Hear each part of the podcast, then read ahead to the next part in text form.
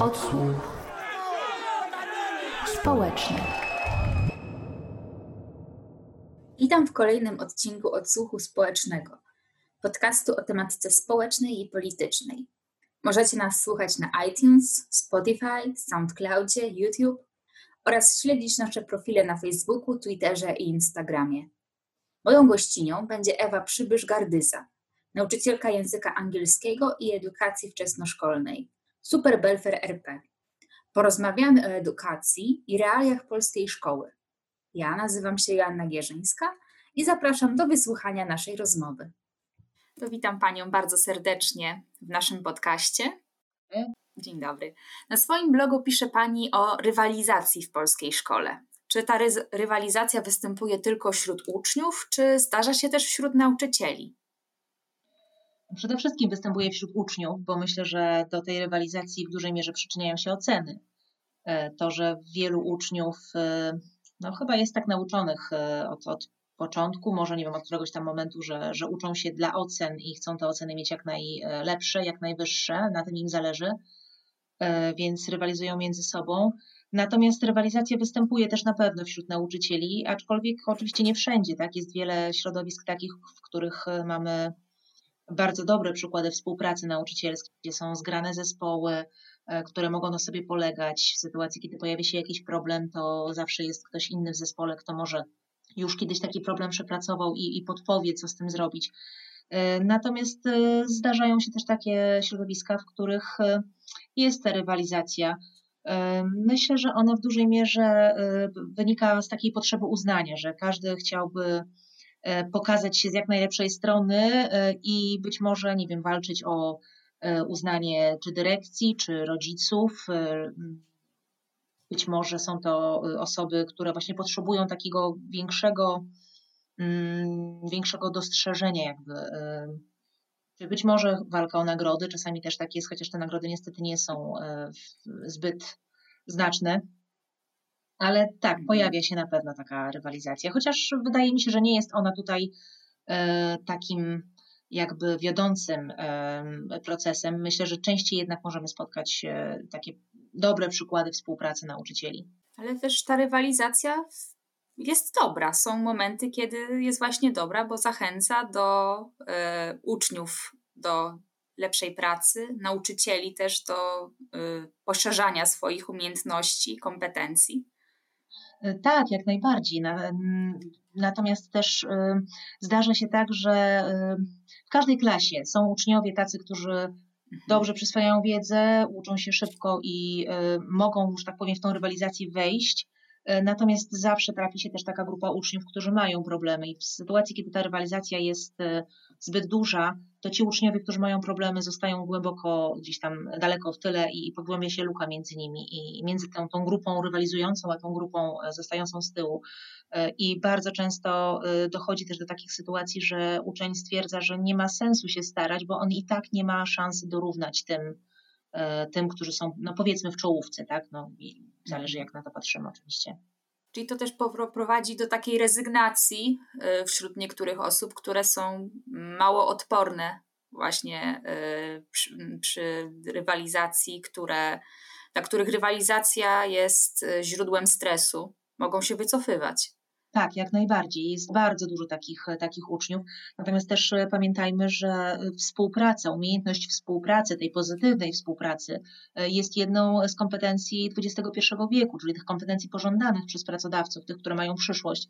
E, I no, myślę, że zawsze gdzieś tam się rywalizacja pojawia przy, nawet i przy współpracy czasami jakaś delikatna. Natomiast przede wszystkim właśnie powinniśmy uczyć i, i um, uczyć dzieci tego, żeby pozytywnie współpracowały, tak, żeby, żeby wykorzystywały mm, tą synergię, którą daje współpraca.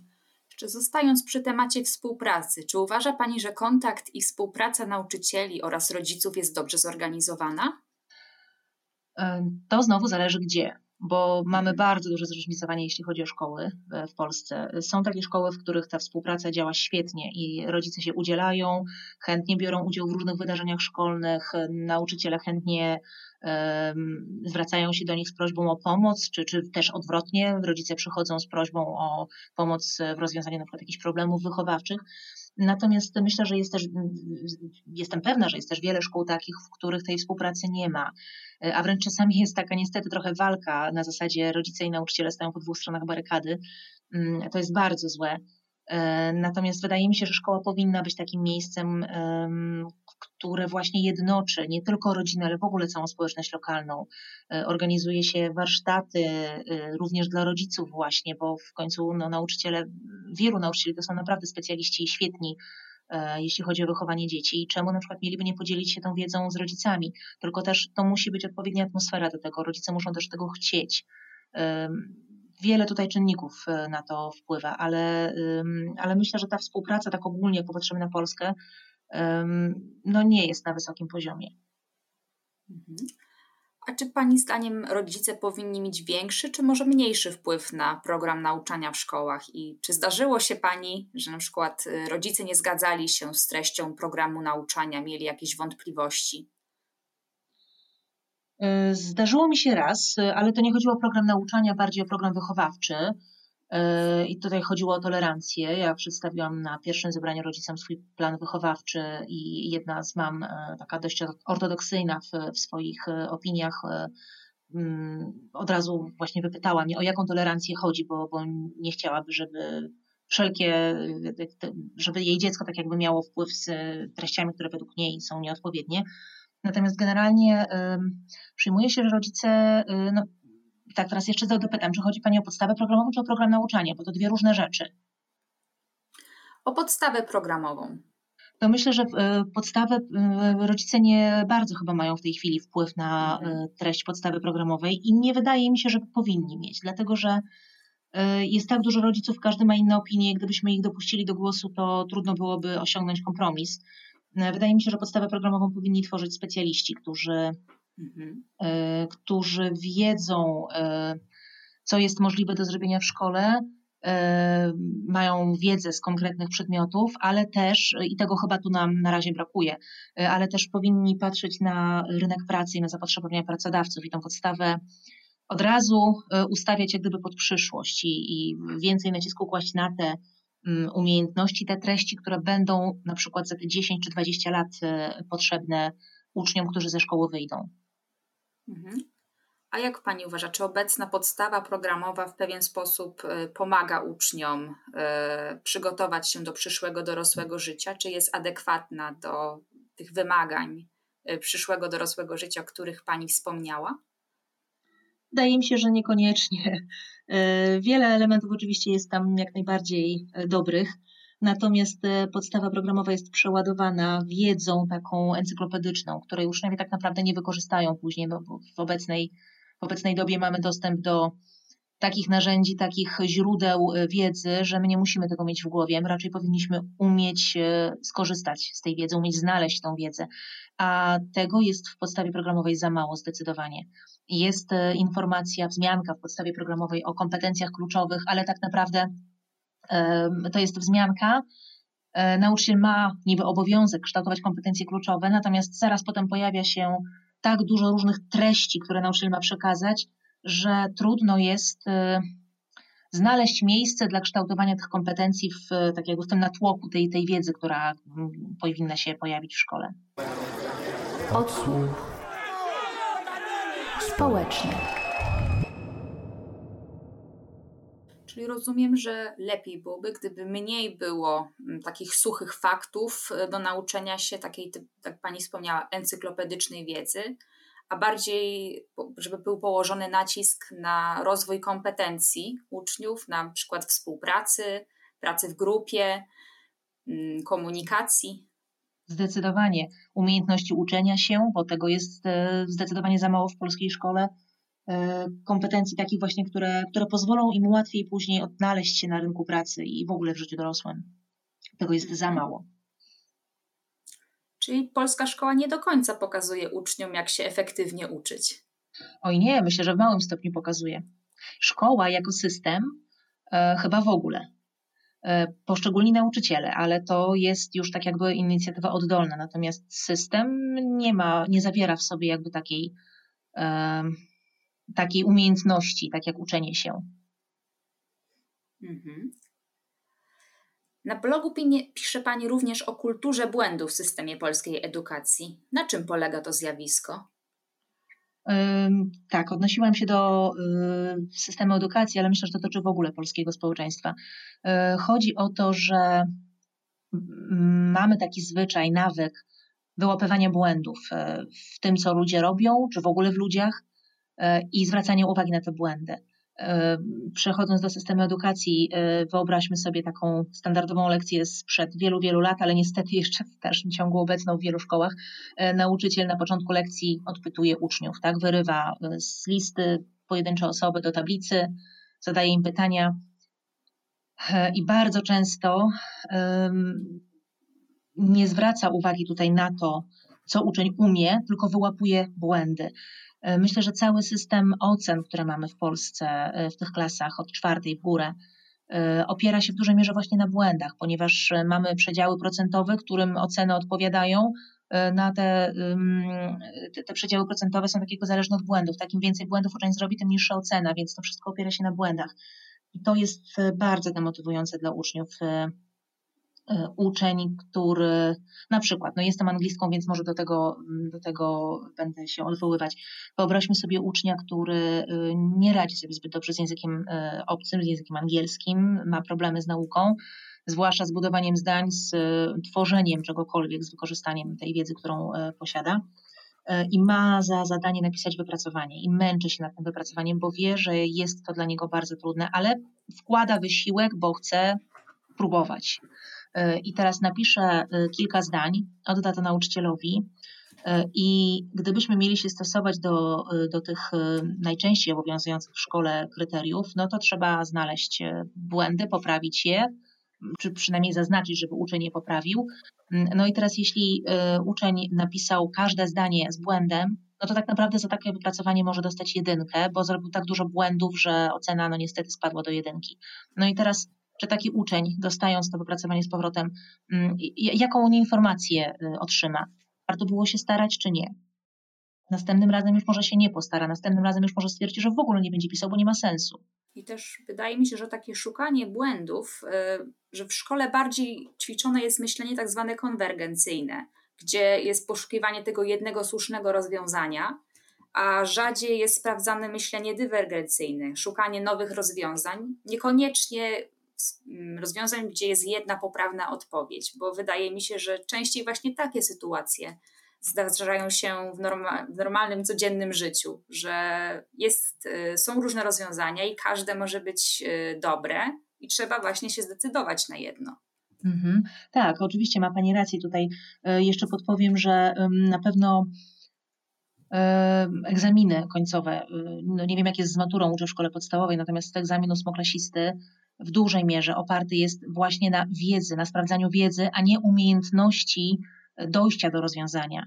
Często jest tak, że zadanie, które y, wymaga jakiegoś tam procesu myślowego, może, być może uczeń myśli dobrze, ale liczy się wynik. Jeśli ma wynik zły, nawet jeśli myślał dobrze, to ma to zadanie zrobione źle i nie dostaje za nie punktów, więc egzaminy są tak zaprojektowane, że one właśnie no, zabijają to, to, to myślenie E, uczniów i, i ich chęć do dochodzenia do wiedzy. E, natomiast e, nie chciałabym też, żeby z tego wyszła taka bardzo negatywna, negatywny obraz szkoły, ponieważ jest wiele szkół, wiele instytucji, czy, czy wielu pojedynczych nauczycieli, którzy starają się to zmieniać oddolnie, zwracają uwagę na to, co jest dobre w uczniach, na relacje między nauczycielem a uczniem, na relacje między uczniami, E, mam tu na myśli na przykład inicjatywę budzącej się szkoły, czy e, wprowadzanie oceniania kształtującego, które właśnie opiera się na dostrzeganiu tego, co uczeń już potrafi i budowaniu na tym kolejnej wiedzy. Także jest wiele inicjatyw, które, y, które polepszają stan edukacji na pewno. Czy nauczyciele mogą coś zmieniać w szkole, jeżeli widzą jakieś problemy czy niedociągnięcia? I też jak dyrekcja, system edukacji, inni nauczyciele reagują właśnie na jednostki, które chcą coś zmienić, które chcą zrobić coś ponad program. Mhm. E, myślę, że tak, jak najbardziej da się zmienić, wprowadzić zmianę od dołu, tak, czyli od pojedynczego nauczyciela. E, jest to trudne, e, wymaga dużo czasu i sporo zachodu, że tak powiem, dużo, dużo wysiłku i takich podchodów czasami. Ale da się jak najbardziej. Bywa to różnie postrzegane, dużo zależy od środowiska, od dyrekcji, od e, nauczycieli, od atmosfery panującej w placówce, od rodziców na to, czy są gotowi na zmianę, bo to i rodzice trzeba tutaj brać pod uwagę. E, więc bywa różnie. Znam takie sytuacje, że ktoś, kto e, właśnie wprowadził dużo zmian i, i raptem na przykład jego uczniowie zaczęli osiągać sukcesy, był w jakiś tam sposób izolowany w swoim środowisku tym lokalnym. Myślę, że chodziło tutaj głównie o jakąś taką zawiść e, wobec kogoś, kto osiąga sukcesy. Natomiast da się, tylko trzeba dobrze tą zmianę zaplanować. Trzeba pamiętać, że zmiana wymaga wielu lat. E, to jest bardzo długi proces i bardzo powolny proces, gdyż e, dotyczy wielu osób. Trzeba dobrze zaplanować cele i wpasować się w możliwości danej placówki, w możliwości sytuacji na przykład moje doświadczenia e, obecne e, napisałam e, z koleżankami własny program nauczania i chciałybyśmy odejść jak najdalej od podręczników i realizować własne zadania, ale na przykład ja wiem, że w mojej placówce jest to jeszcze nierealne, bo rodzice i uczniowie są tak przyzwyczajeni do tego, że pracują z podręcznikiem czy z ćwiczeniami i że sami wręcz to dopytują, i nie byłoby chyba w tym momencie realne, żeby mi od września po prostu zrezygnowała w ogóle z podręczników. mogłoby to wywołać bunt, e, taki, taką nie, niewiarę w to, że ja dobrze robię, e, brak zaufania, więc e, trzeba to robić powoli, tak? Mogę stopniowo od tych podręczników odchodzić. Trzeba po prostu przygotowywać całe, całe otoczenie na, na tą zmianę. Natomiast da się jak najbardziej. No, w mojej szkole, mimo tego, że jest to mała wiejska szkoła, udało nam się od kilku lat sporo zmian wprowadzić. E, realizujemy projekty Erasmus, projekty Twinning, e, wyjeżdżamy za granicę. E, weszliśmy w program Całościowy Rozwój Szkoły, w którym ponad około połowa nauczycieli szkoli się, jak wprowadzić ocenienie kształtujące, także da się jak najbardziej. Właśnie na swoim blogu przedstawia Pani różne pomysły na lekcje z młodszymi dziećmi. W ogóle skąd u Pani taka potrzeba dzielenia się wiedzą, wskazówkami z innymi nauczycielami? Myślę, że wszyscy nauczyciele, przynajmniej większość ma taką potrzebę. E, bardzo często sami korzystamy z pomysłów innych osób, szukamy inspiracji, jak wzbogacić lekcje, na przykład w tych młodszych klasach, jak e, szukamy pomysłów na prace plastyczne, więc przeglądamy to, co inni nauczyciele zamieszczają, a skoro sami korzystamy, no to też e, chcemy dawać coś w zamian i, i dzielić się z innymi. Jest bardzo dużo takich nauczycieli, którzy są bardzo aktywni, zwłaszcza w internecie, bo, bo to głównie przez internet przecież się dzielimy, chociaż nie tylko. Na szkoleniach też bardzo często szkolą y, nauczycieli, inni nauczyciele, którzy mają w danej dziedzinie większe doświadczenie. Jest mnóstwo nauczycieli, którzy prowadzą na przykład właśnie ciekawe y, blogi, y, takie czasami pokazujące, jak e, wprowadzać różne zagadnienia, czasami refleksyjne, które pozwalają właśnie przemyśleć pewne problemy i zastanowić się nad własnymi metodami pracy bardzo dużo grup nauczycielskich na Facebooku, w których po prostu aż wrze czasami od, od tych zadań, zwłaszcza teraz w edukacji zdalnej. Bardzo dużo osób dzieliło się tym, co przygotowało i to było um, nie, myślę, że dobre dla wszystkich, bo y, i osoba, która y, się dzieli, ma satysfakcję, że ktoś z tego skorzystał i ktoś napisze, że świetne zadanie. Y, natomiast osoba, która skorzysta, oszczędza czas, urozmaica zajęcia, korzysta z ciekawego pomysłu, na tej bazie może stworzyć własne ćwiczenie, które też udostępni to jest, myślę, powszechne u nauczycieli od dłuższego czasu. Jakiś czas temu miałam okazję porozmawiać z autorem reportażu Niegrzeczny, Jackiem Hołubem. Był to reportaż o dzieciach e, z zespołem Aspergera, z ADHD, z autyzmem. Czy miała Pani okazję właśnie do pracy z dzieckiem wymagającym specjalnej opieki lub uwagi i czy Pani zdaniem polscy nauczyciele są przygotowani do pracy z takimi uczniami, na przykład w ramach studiów pedagogicznych? Wielokrotnie miałam możliwość pracować z takimi uczniami. Myślę, że większość nauczycieli miała, gdyż e, no, jeśli mówimy tutaj o takich cięższych przypadkach jak autyzm czy, czy, czy Asperger, to no, może tych dzieci jest mniej, ale tak naprawdę w każdej klasie jest jakieś dziecko ze specjalnymi potrzebami edukacyjnymi. To może wynikać z jakichś zaburzeń, z niższych możliwości, ale też z uwarunkowań środowiskowych czy rodzinnych.